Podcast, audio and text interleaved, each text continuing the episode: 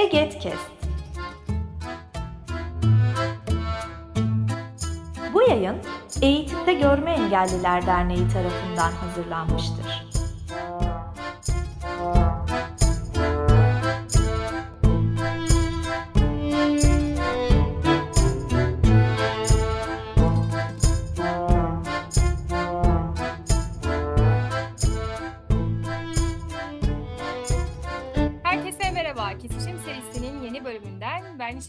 Şeyma Büyükurvay. Bugün iki konuğumuzla birlikteyiz. Sevgili Melike Ergün ve Kenan Çayır hocamlar. Hoş geldiniz. Merhabalar, hoş bulduk. Merhaba, herkese selamlar. Bugün ders kitaplarında mülteci ve engellilik meseleleri nasıl yer alıyor, nasıl temsil ediliyor ve bunların etkileri nasıl? Kesişimsel açıdan neler düşünüyoruz, neler yansıyor? Bunları konuşacağız. Bu süreçte bize yol açan iki tane araştırma var. Birincisi biraz eski ama hala bence çok anlamlı. Ee, engellilikle ilgili olarak ders kitaplarında engellilik, durum analizi. İkincisi ise ders kitaplarında mülteciler, mazlum, muhtaç misafirlerimiz raporu. Bu tabii ki de ironik bağlamda. O zaman konuklarıma kendilerini tanıtmaları için sözü bırakıyorum. Sizden başlayabiliriz Kenan Hocam. Pekala. Ee, Kenan Çayır ben. İstanbul Bilgi Üniversitesi'nde Sosyoloji bölümünde öğretim üyesiyim. Aynı zamanda Sosyoloji ve Eğitim Araştırmaları Merkezi'nin de müdürüyüm. E, temelde e, işte bu toplumsal meseleleri e, eğitimde iki yansımalarını araştırıyoruz. E, ders kitapları da bu araştırma alanlarından birisi. Ben devralayım buradan da. Melike Ergün ben de, e, sosyoloğum ben de. E, Seç 1'de uzun yıllar çalıştım diyeyim. Artık Seç 1 gönüllüsü olarak e, hayatıma devam ediyorum diyeyim. E, ve ders kitapları, kapsayıcı eğitim, ayrımcılık konularına ben de kişisel olarak e, ilgi duyuyorum. Zaten bu alanda da bilgi üretmeye, araştırmalar yürütmeye, sahada faaliyetlerde e, bulunmaya e, çaba gösteriyorum diyeyim. Davet için de teşekkür edeyim. Sana sözü vereyim. Ben de kabul ettiğiniz için, daveti kabul ettiğiniz için çok teşekkür ediyorum. O zaman ders kitapları konusunu neden konuşmalıyız? Hem genel anlamda hem de engellilik, çocukluk ve mültecilik temsili anlamında, belki bunların kesişimi anlamında neden konuşmalıyız? Ne dersiniz? Biz Seç bir olarak e, ders kitapları üzerine çalışmalarımızı yürütürken de hep e, şu zemine oturttuk. E, neden bu alanda çalışmaya devam etmemiz gerektiğini e, kapsayıcı eğitimden bahsediyoruz ve kapsayıcı eğitimin koşullarından biri de öğrencilerin kendilerine ait hissetmeleri eğitim ortamlarına ve süreçlerine. Bunun için de e, müfredatta, eğitim materyallerinde ve içeriklerinde temsiliyetleri büyük bir önem arz ediyor esasında. E, biz aslında bu nedenle tırnak içinde dezavantajlı olarak da adlandırılan e, farklı toplumsal grupların nasıl temsil edildiği, hem gruplar arası ilişkiler açısından ve sosyolojik açıdan ne kadar önemli olduğuna inanarak hangi grubun nasıl temsil edildiği, ne sıklıkla yer aldığını çok önemsiyoruz. Bu bir açıdan da önemli. Bir grup eğer hiyerarşik olarak daha yukarıda, üstün veya tırnak içinde makbul olarak konumlanıyorsa e, sorunlu oluyor. Bu başka öğrenciler, farklı öğrenciler kendilerini dışlanmış, ait dışlanmış hissedebiliyor, ait hissedemeyebiliyor. Bu bir de bunun sonucunda ise bir arada yaşam kültürünün benimsenmesi öğrenciler tarafından ve aslında bunun deneyimlenmesi eğitim ortamlarında da güçleşiyor. belki hani böyle bir yerden yani tam da çeşitliliğin dünyada toplumlarda mevcut olan çeşitliliğin bir değer olduğu onurlandırıldığı bir temsil ve söyleme ihtiyaç var ders kitaplarında. Biz bu nedenle engel çocuklar, mülteci çocuklar, eğitime erişimi ve kapsayıcılığı konusunda çalışırken ders kitaplarına da bakıyoruz diyebilirim. Ben de şeyi eklemek isterim Şeyma Hocam. Ee, yani bazı insanlar şey diye düşünebiliyor. Ya ders kitaplarını zaten işte öğretmenler, bazı öğretmenler kullanmıyor vesaire. Fakat ders kitapları bir ülkedeki e, o resmi söylemin e, ne diyelim bir belgesi gibi aslında. Yani e, işte o ülkenin e, neler söylenebilir, neler nasıl temsil ediliyor, ders kitaplarındaki o görseller, resimler, metinler aslında dediğim gibi o ülkenin e, resmi ideolojisi hakkında da şey veriyor bize, ipucu veriyor. O yüzden biz de önemsiyoruz, yıllardır e, çalışıyoruz bu konuda Melike'nin dediği gibi. Yani ders kitapları ders kitaplarından daha fazlasıdır. güzel güzel söylediniz. Peki em, biraz şu açıdan e, bakacak olursak yani göze çarpan en önemli şeyler neler diye Kenan Hocam. E, ders kitaplarını gözden geçirdiğimizde mülteciler ve engellerle ilgili öne çıkan sizce üç niteleme ne olur ve bunları nasıl değerlendirirsiniz? Ee, üç niteleme. Ee, biz yakın zamanda e, öğretmen ağındaki öğretmenlerle birlikte yine Seç bir bizim merkezle e, ortaklığında bir araştırma yaptık. Ders kitaplarında mülteciler hakkında ve bunu da yayınladık. Ee, linkini de paylaşırız belki. Ee, ilginç böyle benzerlikler var aslında ama mültecili konusuna baktığım zaman ben bunu sayayım. Bir kere bir, e, mülteciler böyle farklı olarak niteleniyor. Onlar farklı deniyor kitaplarda. E, biz bu arada hayat bilgisi ve sosyal bilgiler ve işte e, insan hakları, demokrasi, yurttaşlık kitaplarına baktık. E, farklı deniyor. E, genelde muhtaç e, olarak e, resmediliyor mülteciler. Ee, ve sürekli işte dezavantajlı e, olarak zorluk yaşayan insanlar olarak resmediliyor. Ben bu üç nitelemeyi söyleyebilirim. Peki Bu herhalde de biraz engelli- engelli konusuyla da Evet. Evet. Biraz öyle, biraz öyle oldu. Ee, bence zaten tam da kesişim ne kadar da kesiştiği üzerine bu iki farklı deneyimin de konuşacağız ilerleyen dakikalarda diye çok uzatmayacağım ama e, Kenan Hoca'nın söylediklerine ek olarak ve aynı zamanda ortaklaşan yerlerini de kısaca altını çizerek şunları ekleyebilirim, söyleyebilirim. Ee, ilk olarak farklı diyecektim ben de zaten. Hazırlanırken bu kayda e, ilk sıraya onu yazmıştım. Ee, ve her daim e, bir iliştirilme söz konusu. Yani e, farklı ve saygı göstermeliyiz. Farklı ve hoş görmeliyiz. Farklı ve empati e, duymalıyız. İşte bu tür bir vurgu hep e, söz konusu oluyor. Bu da olağanlaşmanın önüne geçiyor. Belki hani buradan biraz e, bağlamak mümkün olabilir diye düşündüm şeyi de. Yani sen e, bir bireyin, bir grubun her daim e, farklılığına e, vurgu yaparsan e, zaten orada hani bir bütünleşmenin, aidiyetin e, oluşması, yeşermesi güçleşebiliyor. E, ve bu farklılığı da e, yardım temelli yaklaşımla destekliyorlar e, engellilik söz konusu olduğunda ders kitaplarında. Bu da aslında işte hani hoş görelim, empati duyalım, sevelim, merhamet edelim, acıyalım gibi bir hep hani bu sonuca e, sevk ediyor öğrencileri e, ders kitapları diyebiliriz. E, bu da aslında hak temelli yaklaşımın e, güçlenmesinin, e, öğrenilmesinin önüne geçiyor. Engelli bireyleri yardımın nesnesi olan bağımlı kimseler olarak e, görüyor. E, ve son olarak da, üçüncü olarak da şeyi söylemek aklıma gelmişti. E, bu bir niteleme değil esasında ama belki örneklerken e, daha somutlamış olurum. Kimlikleşme e, meselesi. Yani bir kişi engelli bir birey ders kitabında temsil edilirken her daim engelliliği e, vurgulanıyor. E, işte engelli engelli Kenan diyorlar mesela ya da işte engelli Melike diyorlar. Dolayısıyla hani başka özellikleri, başka rollerinin görünür kılınmasından ziyade sadece ve sadece engelliliği görünür kılınarak temsil ediliyor. Bu da kimlikleşmeye yol açıyor. Ben de en temel bulgu olarak bu üçünü paylaşmak istedim. Peki Melike çok az olsa da iyi örnekler var mıdır sence? Eğer e, hiç yok diyeceksen de hani ne olabilirdi belki kafanda e, canlanan ona?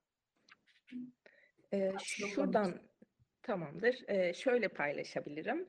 Ee, iyi örnek olarak yani bu olağanlaşmanın e, güçlenmesini sağlayacak örnekler tabii ki benim kişisel olarak hani hayalimdeki iyi örnekler diyebilirim. Yani engelliliğe işte çok vurgu yapılmadığı, aşırı e, ön plana çıkarılmadığı, hayatın olağan akışında farklı hallerden bireylerin temsil edildiği bağlamlarda e, yer alan engellilik temsilleri e, benim için iyi örneklerden e, olabilirdi. E, böyle bir örneğe sadece bir kitabın ünite geçişindeki e, ara sayfada rastlamıştık. Yani böyle bir sokakta sandalyeli bir birey herkesin arasında e, ilerliyordu kaldırımda. E, tek örnek buydu e, araştırmamızda e, rastladığımız iyi örnek. E, bunun dışında bir de şeyi söylemek e, isterim iyi örnek olarak. E, aslında bir çaba var. E, hani burada böyle toptan e, şeyi yok saymamak da gerekiyor. Yani e, kitaplara dahil edilmesi için farklı toplumsal grupların bir çaba var ama bunun nasıl yapıldığı üzerine ne kadar fazla düşünmemiz gerektiğini gösteren e, bulgular da söz konusu. Buradan şuraya bağlayacağım iyi örnek önerisi olarak. Mesela çok fazla e, ünlü, tanınan, engelli e, bireylere yer veriliyor ders kitaplarında. İşte Helen Keller, Thomas Edison, e, ve daha bir sürü e, kişi, e, Türkiye'den de bir sürü tanınan kişi son yıllarda eklenmeye başladı. Fakat bu temsillerin e, yer alması kitaplarda iyiyken nasılına baktığımızda bir kahramanlaştırılmaya rastlıyoruz. Yani her şeye rağmen yaptı, azmetti, başardı gibi hep böyle sorunun çözümünü bireyin kendi çabasına terk eden, e, sorunun toplumsal boyutlarını göz ardı eden, sosyal politikaların yetersizliğini, mevzuatın uygulanmasındaki eksiklikleri e, sorunsallaştırmayan bir yaklaşım ve söylemle ele, alın, ele alındığını görüyoruz bu temsillerin. Dolayısıyla biraz belki burada toplumsal e, boyutunun da ele alındığı temsilleri yer vermeyi de bir başka iyi örnek olarak e, paylaşmak e, mümkün olabilir diye düşünüyorum diyeyim. Teşekkür ederim. Kesinlikle katılıyorum ben. Biraz aslında ders kitaplarını yazan bizler yani bu kültürün içindeki bizler olarak kendi kafamızda engellilik ya da mülteci meselesinde nasıl yer alıyor o da önemli bir e, yol çiziyor bence yer alışına, temsiline dair. Peki mültecilikte nasıldır? İyi örnekler ve öneriler. Ee, iyi, iyi örneğe geçmeden evvel aslında hakikaten e, şimdi sizin o soruyu hani üç tane niteleme ne kadar böyle benziyor birbirine aslında mültecilik konusundaki e, nitelemeler yani farklı, muhtaç vesaire engelliler de mülteciler de böyle temsil ediliyor. Hatta size şunu söyleyeyim. E, mesela e, sosyal bilgiler kitabında e, dördüncü sınıf e, en üstte bir tane e, tekerlekli sandalye kullanıcısı bir çocuk çizilmiş. Diyor ki ben tekerlekli sandalye kullanıyorum. Sizce ne zorluklar yaşıyor olabilirim? yani zorluk yaşaması zaten hani olağan kabul ediliyor. Onun altında işte ben e, ülkenize farklı bir yerden geldim, e, işte gö- göç ettim, ne tür zorluklar yaşıyor olabilirim gibi. Böyle hani ya da mesela farklı ve benzer yönlerimiz de e, birinci sınıf sosyal hayat bilgisi kitabında yine üstte bir tekerlekli sandalyedeki bir çocuk, altta da bir mülteci çocuk var Suriye'den gelmiş. E, dolayısıyla Melike bana onu çağrıştırdı söylediklerin. E, aynı e, böyle sayfada resmediliyorlar zaten bir şekilde. inanılmaz bir şekilde. E, Belki şimdi e, buyurun. Aynı, aynı sayfada temsil ediliyor dediğiniz için hemen girmek istedim hocam. Hı. Yani bu iliştirilme meselesi. Hani kitabın içinde süren bir akışta yer almaması bu temsillerin aslında. Ee, hep böyle bir farklılık e, konularında genellikle ve hatta büyük oranda. Hı hı e, yer veriliyor olması da zaten hep o farklı sıfatının, nitelemesinin belli toplumsal grupların üzerine bir etiket olarak zaten e, hiyerarşik de bir hani biçimde e, atfedilmesine, yerleşmesine neden oluyor diye düşünüyorum ben de. Doğru. Yani iyi örnek olarak e, e, birkaç tane var mevcut kitaplarda şu an. Yani işte yine bir sığınma hakkına yönelik böyle bir referans var bir sosyal bilgiler kitabında. Ortaklığı vurgulayan bazı şeyler var. Yani işte hani mülteciler sürekli farklıdır, farklıdır deniyor. Ama işte bir kitapta işte ortak oyunlarımız, ortak yönlerimiz gibi böyle ortaklığı vurgulayan şeyler var ama yeterli değil.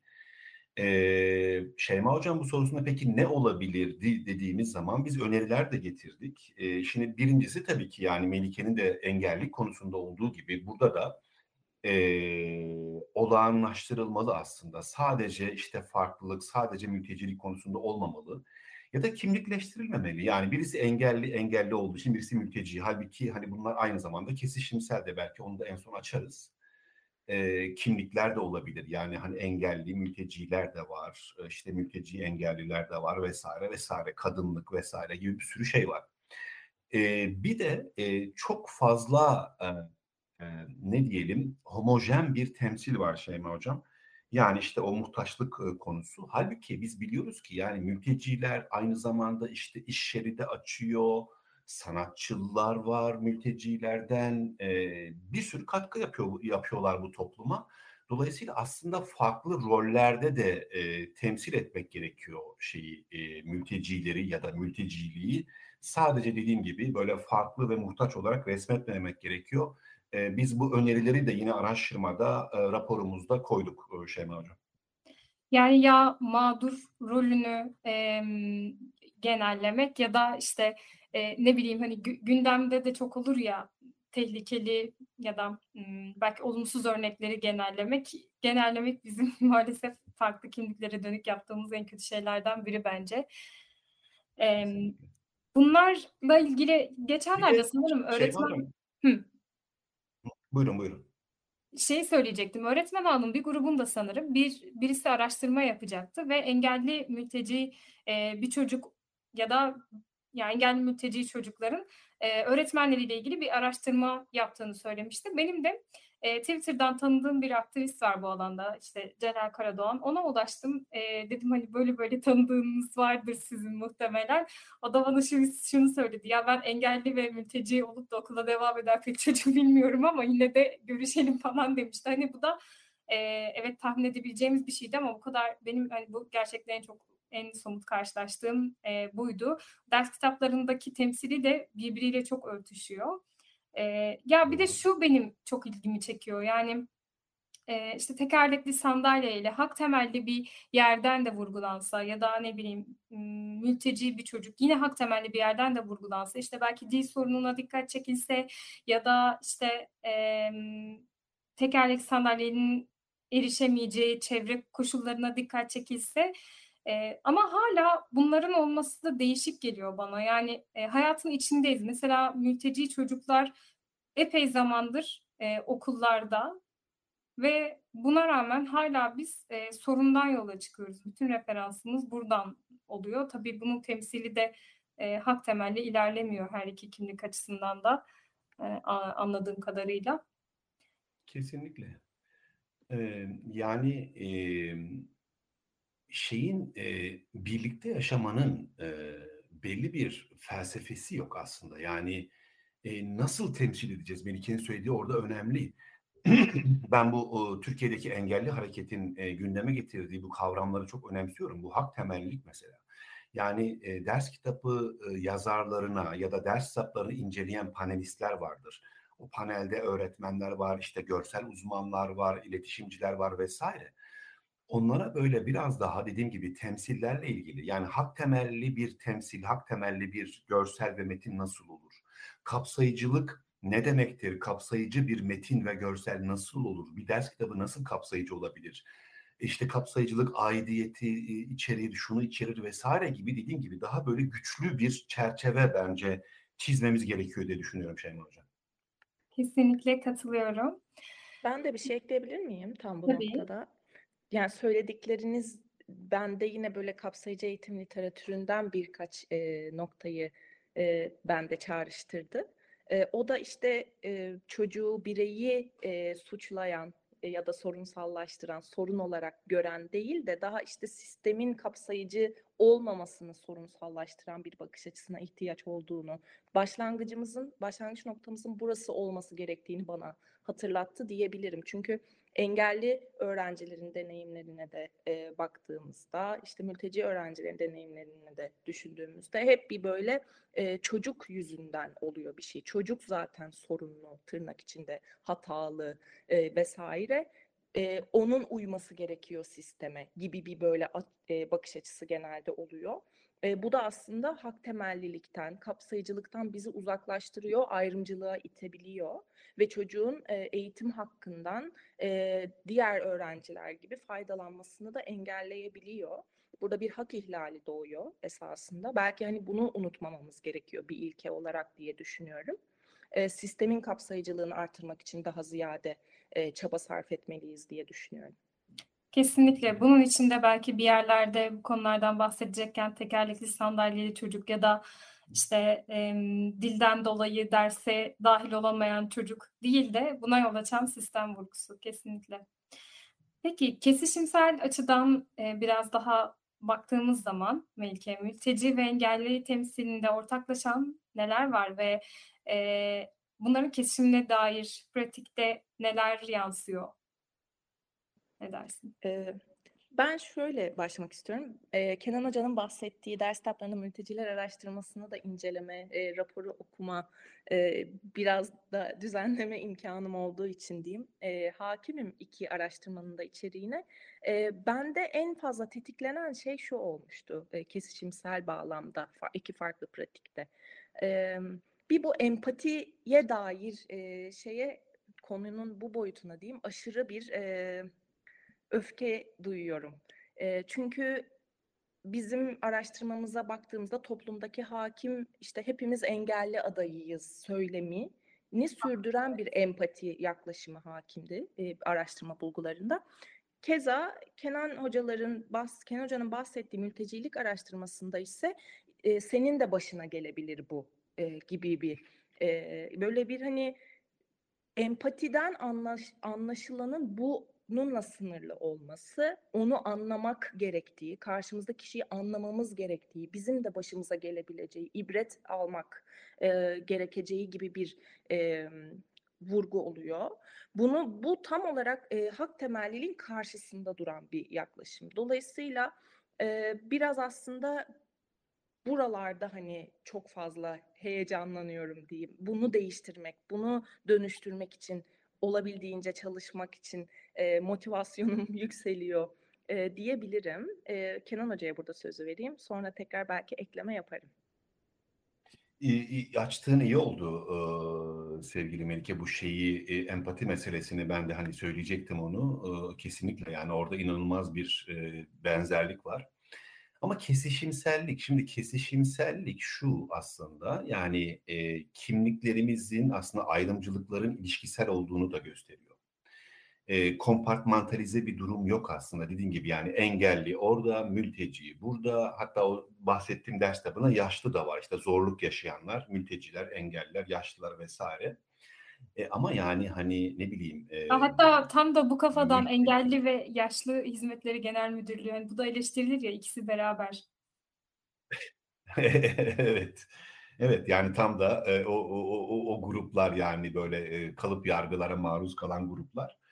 E, ama yani hani bunların ilişkisel olduğu, kesişimsel olduğunun vurgulandığı alanlar e, az, neredeyse yok. Dediğim gibi mesela bahsettiğiniz işte Celal Karadoğan e, bildiğim kadarıyla işte engelli mültecilerle de e, işte e, il- ilgileniyor, projeler yapıyor, spor müsabakaları vesaire. Ders kitaplarında da yani e, e, engellilik, mültecilik ya da farklı alanlardaki bu kesişimselliği gösteren örnekler de olabilir. Yani dediğim gibi yani bir mülteci engelli temsili de olabilir ya da farklı temsiller de olabilir diye düşünüyorum. Yani ayrımcılıkla mücadele edeceksek aslında e, bu işin böyle kompartmantalize işte orada bu kimlik, şurada bu kimlik değil. Bunların hepsi yoksulluk, e, sınıfsal konum, e, işte kadın olmak, e, aynı zamanda örneğin mülteci ve kadınsanız mesela daha da zorluk yaşıyorsunuz. Engelli ve kadınsanız daha çok zorluk yaşayabiliyorsunuz vesaire.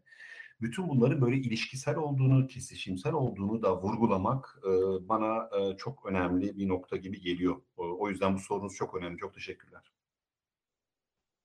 Ben de son bir şey ekleyeceğim tam buradan. Ee, homojen temsili zaten eleştirdik bulguları paylaşırken de ama e, engelli dediğimizde işte çoğumuzun aklına hemen böyle bir tekerlekli sandalye sembolü ya da tekerlekli sandalye kullanıcısı bir birey gelir. Ee, kitaplardaki temsile baktığımızda da hep böyle oluyor. Zaten hani genellikle e, bir kimliği homojenize etmeye çok meyilli oluyoruz düşünürken de Ee, ve temsil ederken de.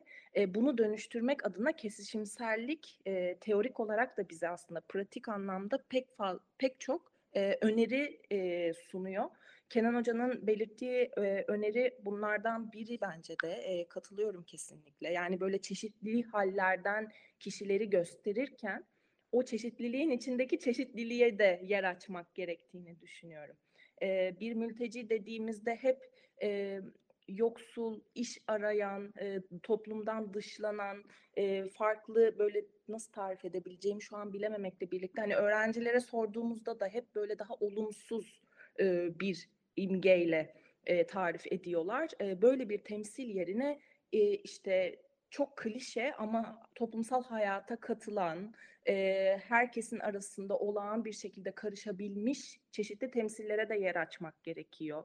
Ya da engellilik e, temsillerine baktığımızda e, engelli kadın olmak nasıl bir deneyim? Buna dair de çocuklarla aslında biraz e, bilgi paylaşmak gerekiyor. Yani o jenerik bir şekilde zihinlerinde bir kimliğin homojenize temsilinin e, yer etmemesi için diyeyim e, farklı hallerden, rollerden, temsillerle biraz o şeyi dağıtmak gerekiyor diye düşünüyorum. Kesişimsel düşünebilmelerini de sağlamak çünkü kapsayıcılık için kritik diye düşünüyorum.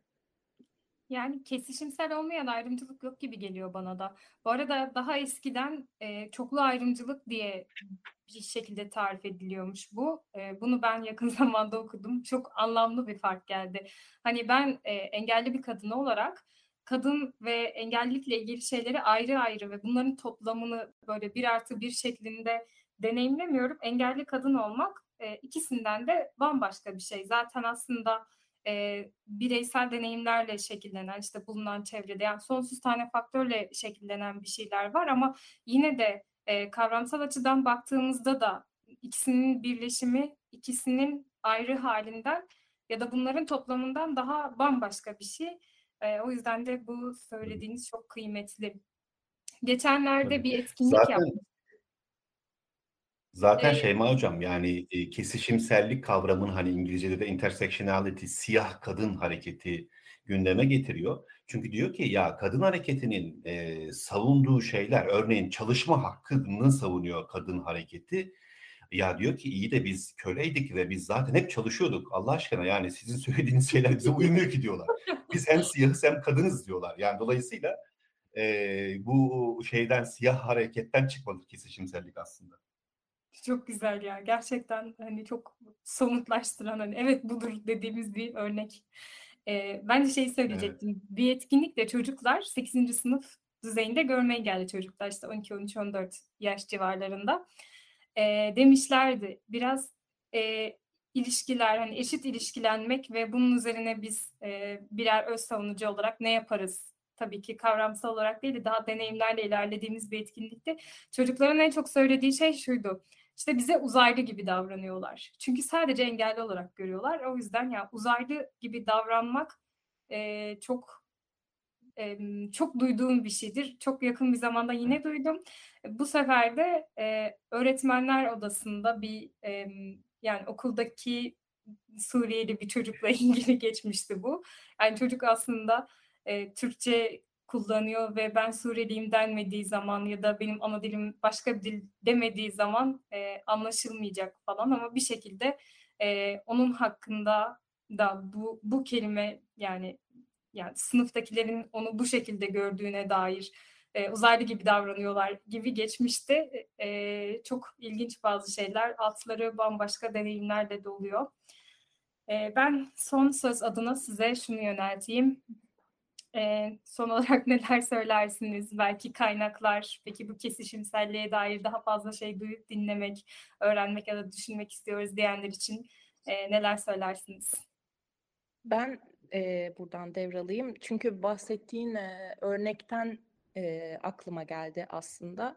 E, yani bir öğretmenin ya da öğretmenler arasındaki öğretmenlerin ya da sınıf arkadaşlarının ya da diğer velilerin, diğer çocukların velilerinin artık her kimler ise onlar e, bir çocuğa e, toplumsal e, grup ait olduğu toplumsal grup ya da sahip olduğu kimlik nedeniyle e, nefret söyleminde bulunması, ayrımcılık e, yapması, dışlaması, etiketlemesi, lakap takması, alay etmesi her ne ise o pratik gerçekleşen. E, bu her ne kadar eğitim ortamlarında gerçekleşse de bunun e, toplumsal boyutunu hiçbir zaman hani unutmamamız gerektiğini hep bana düşündürüyor. Çünkü biz hep Kenan Hoca ile hani farklı ortamlarda kendi aramızda da konuşurken kullandığımız bir tabirdir bu. Eğitim dediğimiz şey bir vakumda gerçekleşmiyor. Bir şekilde hani o toplumsal iklimden, e, küresel iklimden de hani bir şekilde etkileniyoruz. Dinamikler, ilişkiler, e, çatışmalar, gelişmeler besleniyor ve karşılıklı bir şekilde etkilemeye devam da ediyor aslında. E, o iklimi. Dolayısıyla bir şekilde hani bir, biz bireysel olarak bir şey yaptığımızda politik olan da bir şey eylemiş oluyoruz. Yani benim bireysel olarak gerçekleştirdiğim, söylediğim sözün, yaptığım şeyin politik bir karşılığı da var. E, bunun farkında olmamız gerektiğini bana gösteriyor. Kesişimsellik açısından da çünkü mesela sınıfsal boyutu e, olabildiğin yani uzun bir süre e, intersectionality e, çalışan e, akademisyenler de bu alanda söz söyleyen aktivistlerin de hani daha sonradan eleştirdiği bir şeydi. Sınıf tahakkümü üzerinden, e, sınıfsal boyutu üzerinden olabildiğince az ele alınan bir mesele olarak eleştirildi e, akademide de çok uzun yıllar sonra. Dolayısıyla hani bir şekilde e, bunların bağlı olduğu bazı mekanizmalar ve dişliler var arkasında. İdeolojik de bazı boyutları var. Bir şekilde buradaki sistemik e, ağı, ilişkiler ağını da e, hesaba katmamız gerektiğini bana gösteriyor diye düşündüm. Bunu şimdilik paylaşabilirim son olarak. Ben de e, şunu ekleyeyim son olarak. E, yakın zamanda hatta bu hafta e, Türkiye'de bir engelli hareketi var mı diye bizim Seçbir'in blogunda bir yazı yayınladım. E, ben e, Türkiye'deki engelli hareketini başarılı buluyorum. E, gündeme getirdiği kavramları e, böyle hani e, engelli hareketi, engelli hareketinden büyüktür diyorum Şeyma Hocam sana referansla e, ciddi toplumsal dönüşüm yaratacak e, kapsayıcılık gibi, hak temellilik gibi, erişilebilirlik gibi, evrensel tasarım gibi çok önemli kavramları gündeme taşıyor. E, belki e, işte bu engelli hareketinin aktörleri, e, kurumları, e, EGET gibi mülteci hareketiyle çünkü bir taraftan da çok ciddi bir orada şey var. Yani e, artık kalıcı politikaların da geliştirilmesini biz savunuyoruz e, engelli şey e, mülteci aktivistler, işte mülteci örgütler, kendilerinin kurduğu mekanlar vesaire bunlarla da belki daha kesişmek, e, beraber çalışmak, bir araya gelmek, birbirimizin sözlerini duymak da önemli e, diye düşünüyorum Şeyma Hocam. Belki bunu yaparsak çok daha sözümüzü etkili bir şekilde çoğaltabiliriz. Kesinlikle katılıyorum. Benim aklımda şey kaldı en son olarak yani bir ara gelmişti sonra geri gitti şimdi son ses falan iyice tekrar geldi. Farklılık diyoruz hani hep farklı ille de farklı konumlanıyor diyoruz ama bir yandan da şu yayılıyor. Engellilik bir eksiklik değil farklılıktır ya da işte farklı kimlikler açısından bir eksiklik değil farklılıktır. Çünkü hani mutlaka mutlaka hiyerarşik olarak daha alttadırın bir tanımı aslında eksiklikti, eksiklik. Bunu örtmek için yerine farklılık kavramı yoğun bir şekilde kullanıyordu bir dönem ve bu da etkisini gösteriyor gibi ama bu aslında bir yanıyla da yanlış anlaşılıyor. Çünkü farklılıktan kastımız e, onlar farklı, siz de aynılar olarak onlardan farklısınız gibi bir e, yerde değil kesinlikle.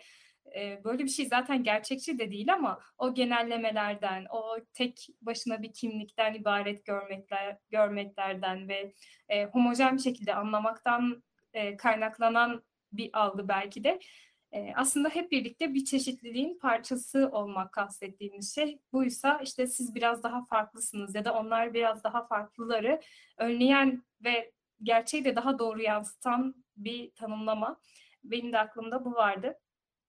çok zihin açıcı bir söyleşi oldu bence. Çok teşekkürler tekrar geldiğiniz ve paylaşımlarınız için. yeni bölümlerde. Biz teşekkür ederiz. Biz teşekkür ederiz. Çok çok şey biz de düşündük hep birlikte. Çok teşekkür ederiz. Evet keyifli bir sohbet oldu. Ben de çok teşekkür ederim. Bu yayın Eğitimde Görme Engelliler Derneği tarafından hazırlanmıştır. Web sitesi eget.org Mail bilgi.eget.org Facebook Egetim'de Gorma Engelliler. Twitter et Eget İletisim. Instagram Egetim'de Gorma Engelliler